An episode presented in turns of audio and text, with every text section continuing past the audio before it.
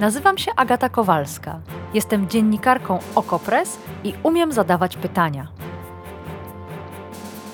Wciąż jeszcze wierzę, że świat można ponaprawiać, więc swoich gości, polityków i ekspertki pytam o rozwiązania.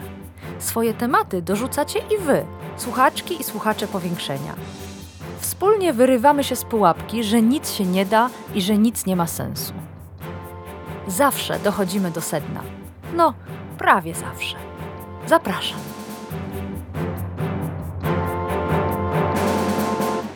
Słyszeliście, że Daniel Obajtek samodzielnie uratował polskie rolnictwo? Ja też o tym słyszałam. A czy wiecie cokolwiek o produkcji nawozów? Bo ja nic. Na szczęście w Okopres sprawę wykłada Marcel Wandas, nasz dziennikarz. I pisze tak: kluczowym surowcem potrzebnym w produkcji nawozów amoniakowych jest gaz.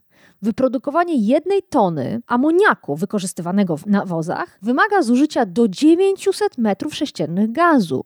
W procesie tym wytwarzany jest także dwutlenek węgla, potrzebny w wielu branżach. Odbiorcy biznesowi, tacy jak fabryki nawozów, płacą za gaz wedle rynkowych stawek i nie podlegają ochronie taryfowej, takiej jak my w naszych domach. A te stawki rynkowe wzrosły. Wylicza Marcel Wandasz, że wiosną za megawattogodzinę gazu płacono 300 zł, a obecnie od 1300 do 1500 zł. W związku z tym grupa Azoty i przedsiębiorstwo Anvil wstrzymały produkcję nawozów. Można by się zastanawiać, dlaczego? Skoro cena gazu wzrosła, to i cena nawozów powinna wzrosnąć. I tyle. Typowy rynkowy mechanizm. Ale zamiast tego wyłączono wszystkie maszyny albo część. A potem włączono. O co chodzi w tej historii? Czy Daniel Obajtek, który na Twitterze ogłosił, że należące do Orlenu przedsiębiorstwo Anvil wznawia produkcję nawozów, działa sprawniej od kierownictwa przedsiębiorstwa Anvil i od polskiego rządu? I czy zapewnił nam właśnie tanią żywność w przyszłym roku?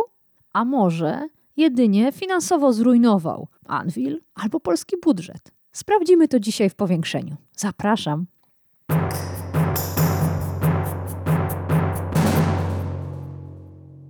A naszym gościem jest Joanna Solska, dziennikarka tygodnika Polityka. Dzień dobry, pani redaktor. Dzień dobry pani i państwu. To zacznijmy od wyjaśnień. Czy rzeczywiście obydwa zakłady, zakłady grupy Azoty i Anwilu, przestały produkować nawozy, czy też to jest troszeczkę bardziej złożone? No, prawie przestały produkować nawozy od wtorku ubiegłego tygodnia. I z mojej wiedzy wynika, że tę decyzję nie podjęły ich zarządy, ale była to decyzja rządu. Zresztą wicepremier Kowalczyk także minister rolnictwa odpowiadający za bezpieczeństwo żywnościowe kraju, tłumaczył, że rolnicy nie mają się czym przejmować, ponieważ oba zakłady mają zapasy nawozów wystarczające do jesiennych siewów, no a wiosną to się zobaczy. I mnie się już to wtedy średnio podobało, to jego tłumaczenie, bo sobie pomyślałam tak, to prawda, że ten gaz drożeje strasznie szybko, tylko jeśli firmy, te dwie firmy produkujące nawozy, wstrzymają się z produkcją teraz latem, kiedy jeszcze y, pogasnie, sięgają ludzie do ogrzewania, no to zimą to on będzie jeszcze droższy, będzie go jeszcze mniej. Hmm. No a za chwilę się okazało i to mm, przykro mi bardzo, przykro, bo to jest zła wiadomość dla państwa, ale o skutkach tej decyzji zaniechania produkcji gazu albo poważnego jej ograniczenia y, rząd nie pomyślał.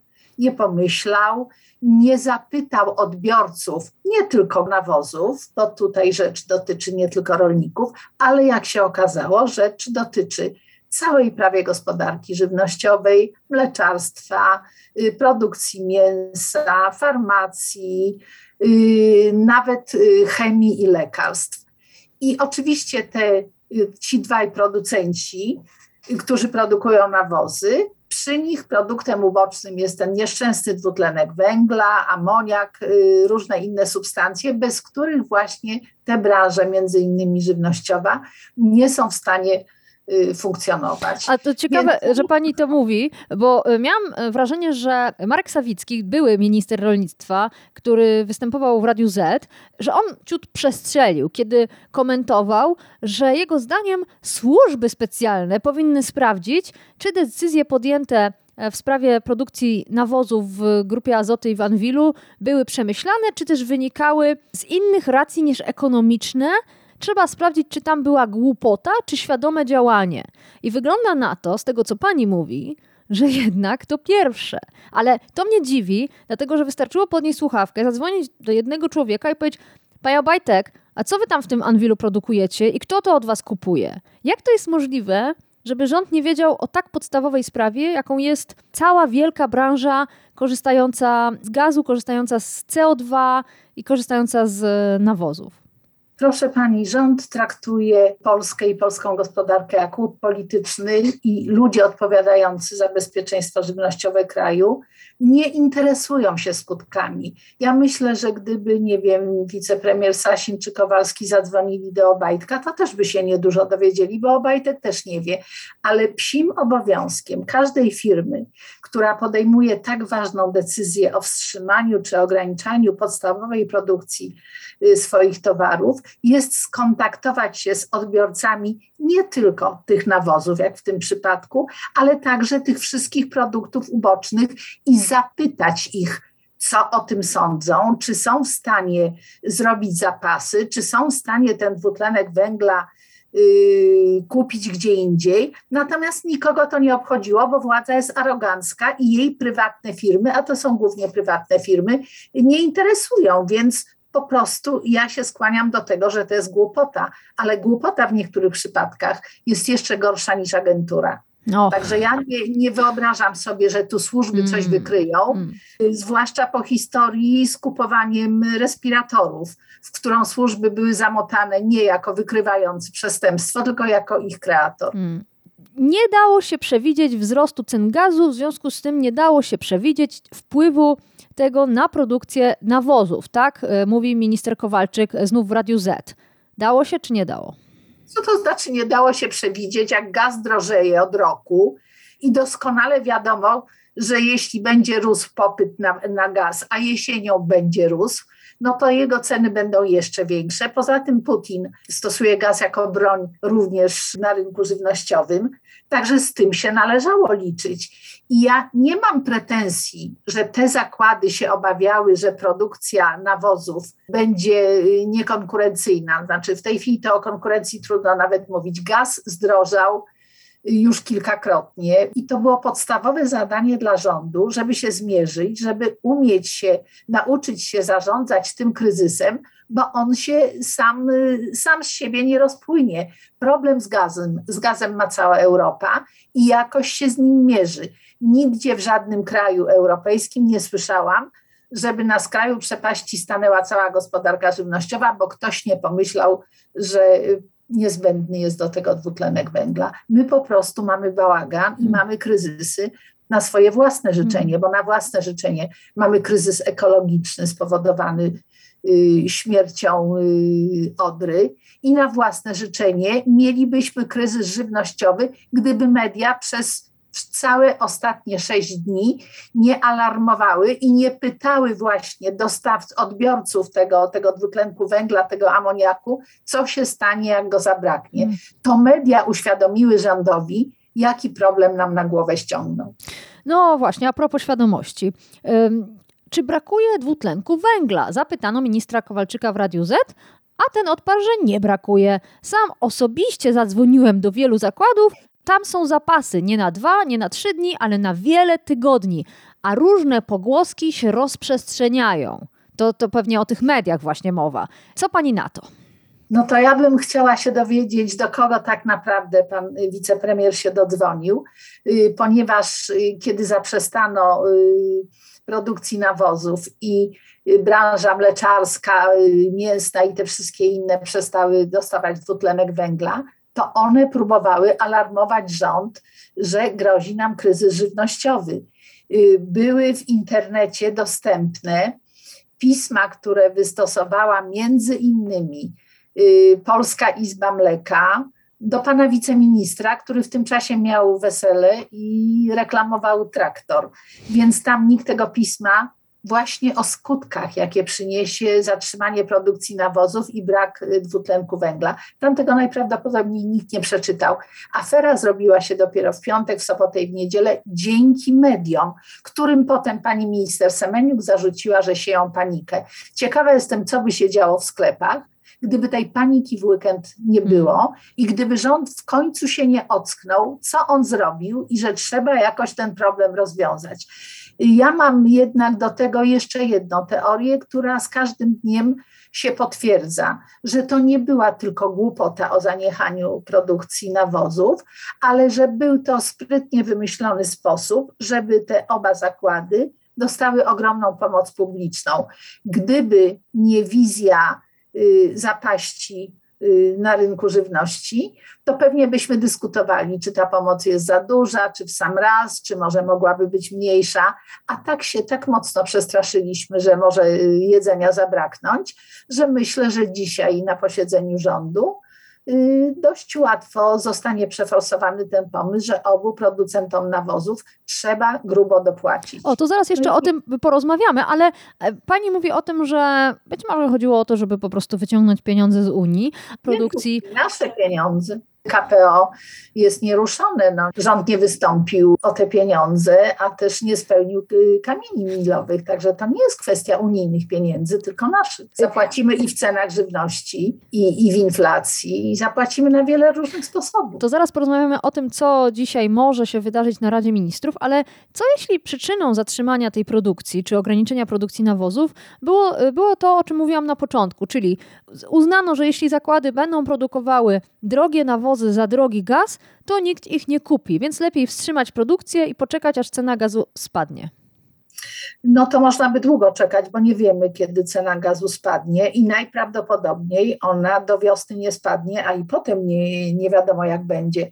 Więc to nie jest żaden, y, żaden sposób. Tylko mnie dziwi jedno, że przecież y, ani Anwil, ani Azoty nie kupują gazu na giełdach, tylko kupują najprawdopodobniej od PGNiG, czyli przedsiębiorstwa naftowego i gazowniczego. I raczej mają cenę ustaloną, a PGNiG dostawał z budżetu, dostał kilka miliardów złotych pomocy, więc to wszystko, cała ta pomoc publiczna jakoś tak płynie w sposób mało przejrzysty. I, i na pewno dostawca gazu dla, dla tych obu producentów nawozów nie musi im ceny zmieniać i nie ma prawa zmieniać im ceny z godziny na godzinę. Więc to wszystko jest, wszystkie firmy są kontrolowane przez państwo, ale wszystkie zachowują się dla nas w sposób mocno nieprzejrzysty. Hmm. Więc... A propos nieprzejrzystości i podejmowania decyzji, Ponoć to Daniel Obajtek uratował świat, bo to on nakazał wznowienie Anwilowi produkcji. Anwil należy do Orlenu. Tak mówił m.in. Marek Sawicki, że tak naprawdę to była decyzja Jarosława Kaczyńskiego i Obajtka właśnie, bo premier się kompletnie pogubił, zrzucił to na ministrów Kowalczyka i Sasina i właściwie to nie wiedzieli oni w ogóle co zrobić. A może wcale tak nie było. Ja myślę, że pan prezes Obajtek jest fajszy od obu wicepremierów i premiera i po prostu zdał sobie sprawę, że dzisiaj podczas posiedzenia rządu musi zapaść decyzja o wznowieniu produkcji nawozów, bo raczej już Prawo i Sprawiedliwość i to już jest sprawa partii, nie będzie ryzykowało kryzysu żywnościowego, bo i rząd, i cała partia zostanie wywieziona na taczkach. Y, więc y, ta decyzja o zaprzestaniu produkcji musi zostać zmieniona, więc Obajtek chciał być pierwszy, pokazać, że wszystko może. No i w ten sposób ośmieszył i premiera, i, i, jego dwóch zastępców. Ale jak mówię, dla nas to jest mało istotne. Dla nas istotne jest to, nie tylko to, że groził nam brak żywności, tylko że Polska też tak się beztrosko zachowuje, z własną marką, z własną opinią. My jesteśmy ogromnym eksporterem żywności i 80% tej żywności idzie na rynki unijne. I myśmy wysłali odbiorcom polskiej żywności taki sygnał, że w Polsce jest bałagan, że jest chaos, że może się tak zdarzyć y, zimą, no bo skoro zdarza się latem, że my się z tych dostaw y, nie wywiążemy. Więc myślę, że niektórzy będą się rozglądać za innymi dostawcami, nawet za nieco wyższą cenę. y, luki na rynku nie będzie. Natomiast nasza pozycja jako dobrego eksportera żywności y, no, stanęła pod znakiem zapytania. No dobrze, ale mamy wtorek, Rada Ministrów się zbiera i ma na niej być wypracowany plan wsparcia rolników w zakupie nawozów. E, w Polskim Radiu z kolei minister rolnictwa ostatnio nie wychodzi z mediów. Mówił: Na razie nie chcę mówić o szczegółach, mamy już jakieś tam pomysły i uzgadniamy pewne rozwiązania, a z kolei w Radiu Z powiedział: Ceny nawozów mają powrócić do tych sprzed roku. No i od razu miałam skojarzenie z słynną ustawą Sasina dotyczącą węgla, kiedy to właśnie ceny węgla miały spaść, ale składy węglowe ustawę zignorowały i dalej sprzedawały węgiel po cenach rynkowych. Czy to samo może stać się z nawozami? Bo mówiła Pani, że podejrzewa, że tu przede wszystkim te środki pójdą do tych dwóch przedsiębiorstw, a nie bezpośrednio do rolników. To już jest, jest czy będzie kolejny plan ratowania rolników jako odbiorców nawozów. I to był plan bez głowy, to był plan przedwyborczy, a nie plan ratujący ponieważ on zakładał, już został, został wymyślony kilka miesięcy temu, że rolnicy dostaną dopłaty do no nawozów, właśnie. które mm-hmm. kilkakrotnie zdrożały, ale nie wszyscy, go, nie wszyscy te dopłaty dostali. Mało tego, nie wszyscy mieli je dostać. Mieli je dostać tylko rolnicy, których gospodarstwa są nie większe niż 50 hektarów, natomiast ponad 90% produkcji żywności w Polsce pochodzi z dużych, wyspecjalizowanych gospodarstw, większych niż 50 hektarów. I dopłatę miał dostać ten rolnik, który ma 50 hektarów i ten rolnik, który to gospodarstwo, które ma 300 hektarów, jego dopłata też byłaby tylko do 50 hektarów. Europa, świat przeżywa kryzys żywnościowy w związku z wojną Rosji z Ukrainą i nie można tak sobie uderzać po prostu po kieszeni tych, którzy produkują żywność, bo ta żywność jest strasznie potrzebna. Chciałam powiedzieć cholernie, bo y, przepraszam za moje emocje, ale to jest totalny brak wyobraźni rządzących. Trzeba te gospodarstwa duże pielęgnować, bo to od nich zależy, czy będziemy głodni i ile będziemy za żywność płacić i czy będziemy w stanie część swojej żywności wyeksportować. To nie jest wyborcze. To jest po prostu racjonalne. Ale to zaraz, mo momencik. To być może sprawiedliwiej będzie, jeśli rząd dopłaci, wspomoże same zakłady produkujące nawozy i wtedy w oczywisty sposób ten, kto ma wielki, wielkie gospodarstwo, kupuje dużo nawozów, zyska na tym proporcjonalnie więcej, no bo po prostu te nawozy będą z dotacją. Myśli Pani, że to jest ten scenariusz, który dzisiaj zrealizuje się na Radzie Ministrów? Myślę, że nie tylko ja nie znam tego scenariusza, ale i jego autorzy go nie znają. I dostaniemy jakieś komunikaty enigmatyczne, a tak naprawdę nie wiemy, na czym będzie polegała pomoc, bo oczywiście pomoc musi być adresowana do, do producentów nawozów, ponieważ oni nie mogą na dłuższą metę produkować nawozów z gazu dużo droższego niż oni mogą wziąć za nawozy. Także nie wiem, jak oni się z tym uporają, ale oni mieli co najmniej pół roku, a gaz zaczął drożeć w ubiegłym roku, żeby się nad tym zastanowić. Oni cały ten czas zmarnowali i myśli pani, że nadrobią ten stracony czas. We wtorek. Godzin tak. podczas posiedzenia Rady Ministrów? Powątpiewam. Wiktor Szmulewicz, prezes Krajowej Rady Izb Rolniczych, mówił na łamach OKO.press, że według niego można stworzyć system, w którym uznamy producentów nawozów za przedsiębiorstwa o znaczeniu strategicznym i objąć je preferencyjną, czyli niższą stawką za gaz. Nie wiem, być może można, ale każdy plan powinni zrecenzować fachowcy Natomiast póki nie ma planu, to ciężko go recenzować. I nie wiem, jak będzie wyglądała ta, ta pomoc publiczna dla zakładów czy dla rolników, nikt tego nie wie. Y, tak jak bardzo, w bardzo enigmatyczny sposób dowiedzieliśmy się o pomocy, jaką dostało gospodarstwo naftowe i gazownicze. Także mimo, że to są wielkie spółki Skarbu Państwa, mało tego giełdowe spółki, to to wszystko jest takie mocno nieprzejrzyste i pewnie za kilka miesięcy się dowiemy, jak to wyglądało naprawdę. Natomiast teraz ma popłynąć strumień pieniędzy, a ponieważ tam jest zatrudnionych wielu kolegów z partii rządzącej, więc obawiam się, że część tej pieniędzy popłynie do ich kieszeni po prostu. Sprawdzałam jeszcze szybko, ile hektarów ma wiceminister Norbert Kaczmarczyk, chyba ma tylko 16,5 hektara, to trochę mało, ale, ale potrzebuje ciągnika i to niesamowitego ciągnika za półtora miliona złotych, Mercedes wśród ciągników ponoć. No wybuchła niesamowita afera wokół wesela pana wiceministra, wokół ciągnika, który miał być raz prezentem ślubnym, a raz ciągnikiem wziętym na leasing przez brata pana wiceministra. Jednocześnie okazało się, że właściwie wesele było swoistego rodzaju reklamą dla producenta tego ciągnika i to wszystko razem wydawało się dosyć śmieszne, trochę żałosne. A dla pani o czym to była opowieść? To było kilka opowieści. Jedna o tym, jak bardzo skorumpowana jest partia rządząca, bo my nie jesteśmy na progu 90 roku i my doskonale wiemy, że każdy polityk, a zwłaszcza znany polityk, jest znakomitym nośnikiem reklamowym. I wiedział to również pan, który sprzedaje te, te traktory w Polsce, i wiedzieli to politycy. Przecież oglądaliśmy przed kilkoma tygodniami, jak tymże traktorem y, jechał pan minister Ziobro. Y, wcześniej on służył w kampanii wyborczej wyborczej prezydenta Dudy. Teraz y, trafił na wesele ministra rolnictwa, więc jest to ewidentnie udział w kampanii reklamowej i świadczy to o wszystkich źle. Druga sprawa, pani mówi, że pan minister ma 16 hektarów, ale dzieje się coś za tego rządu, a jeszcze poprzedni to y, zainicjował że tym dużym gospodarstwom rolnym, one nie są właścicielami ziemi, które uprawiają, one ją tylko dzierżawią. Ziemia jest państwowa, pochodzi y, z upadłych PGR-ów. I tymże dzierżawcom, którzy nad tą ziemią pracowali, którzy doprowadzili ją do użytku i mają kwitnące gospodarstwa produkujące żywność, im się odbiera coraz większą część tych dzierżaw, uznając, że trzeba ją podzielić, tę ziemię między drobnych wyborców PiSu, bo oni się odwdzięczą y, przy wyborach, ale na razie ją się dzieli między prominentnych działaczy y, koalicji rządzącej. Czy te 16,5 hektara ministra Kaczmarczyka to jest właśnie z Kowru?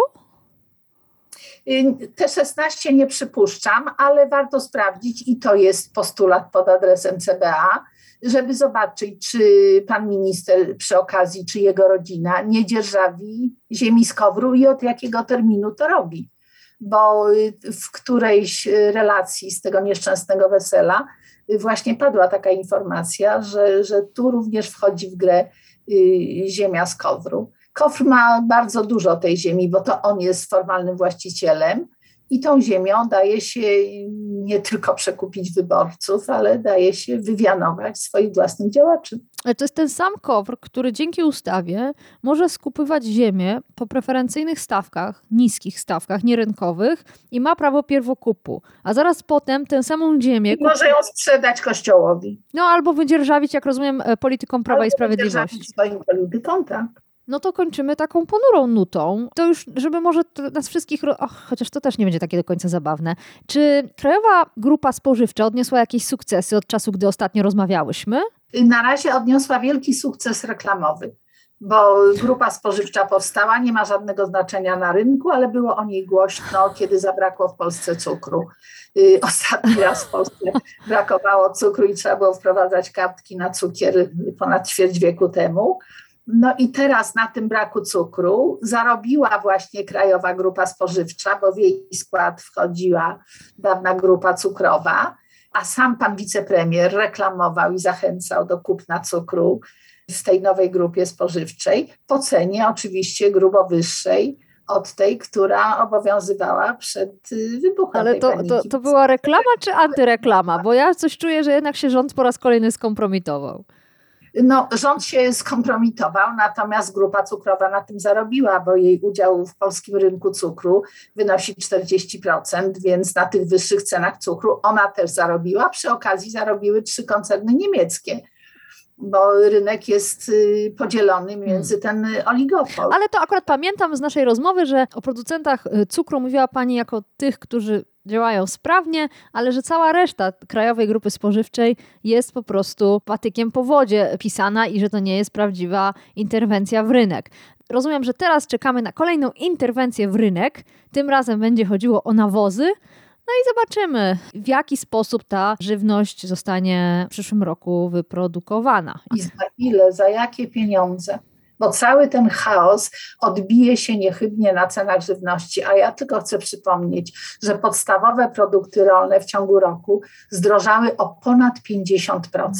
I jeśli oficjalny wskaźnik y, inflacji jest niższy, to znaczy to tylko tyle, że te produkty przetworzone mają coraz mniej tego surowca podstawowego, że tam jest coraz więcej chemii, że są coraz mniej zdrowe, żeby nie razić konsumenta tak szybko rosnącą ceną. Tak. Ale wystarczy obserwować to na chlebie. Ja kupowałam małe bochenki razowego za złoty 99, teraz płacę ponad 6 i każdy z nas takich przykładów może podać tysiące. Ile kosztuje Wasz chleb? Możecie napisać do mnie, za chwilę podam adres, a teraz już dziękuję. Joanna Solska z Tygodnika Polityka pomagała nam zrozumieć politykę rządu wobec rynku rolnego. No i proszę, ledwo skończyłyśmy rozmawiać z redaktor Joanną Solską, skończyła też pracować Rada Ministrów. A co wypracowała? Nic nie wypracowała. To wiemy już od samego pana premiera. Zaskoczenia nie ma. Jest dokładnie tak, jak przewidziała przed chwilą moja rozmówczyni. Posłuchajcie zresztą sami. Rząd potrzebuje jeszcze kilku dni na wypracowanie rozwiązań wsparcia na rynku nawozów. Zleciłem wicepremierom Sasinowi i Kowalczykowi wypracowanie odpowiednich rozwiązań. Dzisiaj prezentowali pewne propozycje na Radzie Ministrów. Ostatecznych decyzji, w którą stronę pójdą rozwiązania, jeszcze nie przedstawili, ale sądzę, że w najbliższych kilku dniach będzie to możliwe. I na koniec przyznał, że skonstruowanie takiego mechanizmu, czy to dopłat, czy innych mechanizmów zakupowych, kompensacyjnych, jest zadaniem dosyć skomplikowanym i dlatego dałem panom wicepremierom jeszcze czas, a konkretnie te kilka dni. Czy zdążą w tym czasie ministrowie Kowalczyk i Sasin skonsultować się, skontaktować się z branżami, które cierpią w wyniku wysokich cen gazu, wysokich cen nawozów albo po prostu braku nawozów, wątpię. Ale może wy jesteście dobrej myśli. Dziękuję za wysłuchanie tego podcastu. Odsyłam do jednego z poprzednich odcinków, również z udziałem redaktor Joanny Solskiej na temat Krajowej Grupy Spożywczej. Znajdziecie ten odcinek oczywiście w archiwum powiększenia na stronie OkoPress albo w waszych aplikacjach do podcastów. Zawsze chętnie też wysłucham Waszej opinii na temat rynku spożywczego, premiera Morawieckiego, ministrów Kowalczyka i Sasina, a nawet Daniela Obajtka. Albo traktorów. Piszcie, adres już za chwilę. I do usłyszenia w kolejnym odcinku.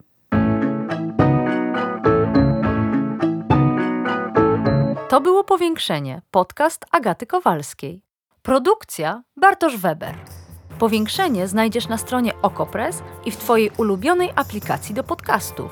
Masz pomysł na temat albo komentarz? Napisz do mnie agata.kowalska małpaoko.press. Stałych darczyńców zapraszamy na grupę Okopres na Facebooku Twoja okolica. Tam też toczymy dyskusje o świecie i o podcaście. Dziękujemy za Wasze wsparcie.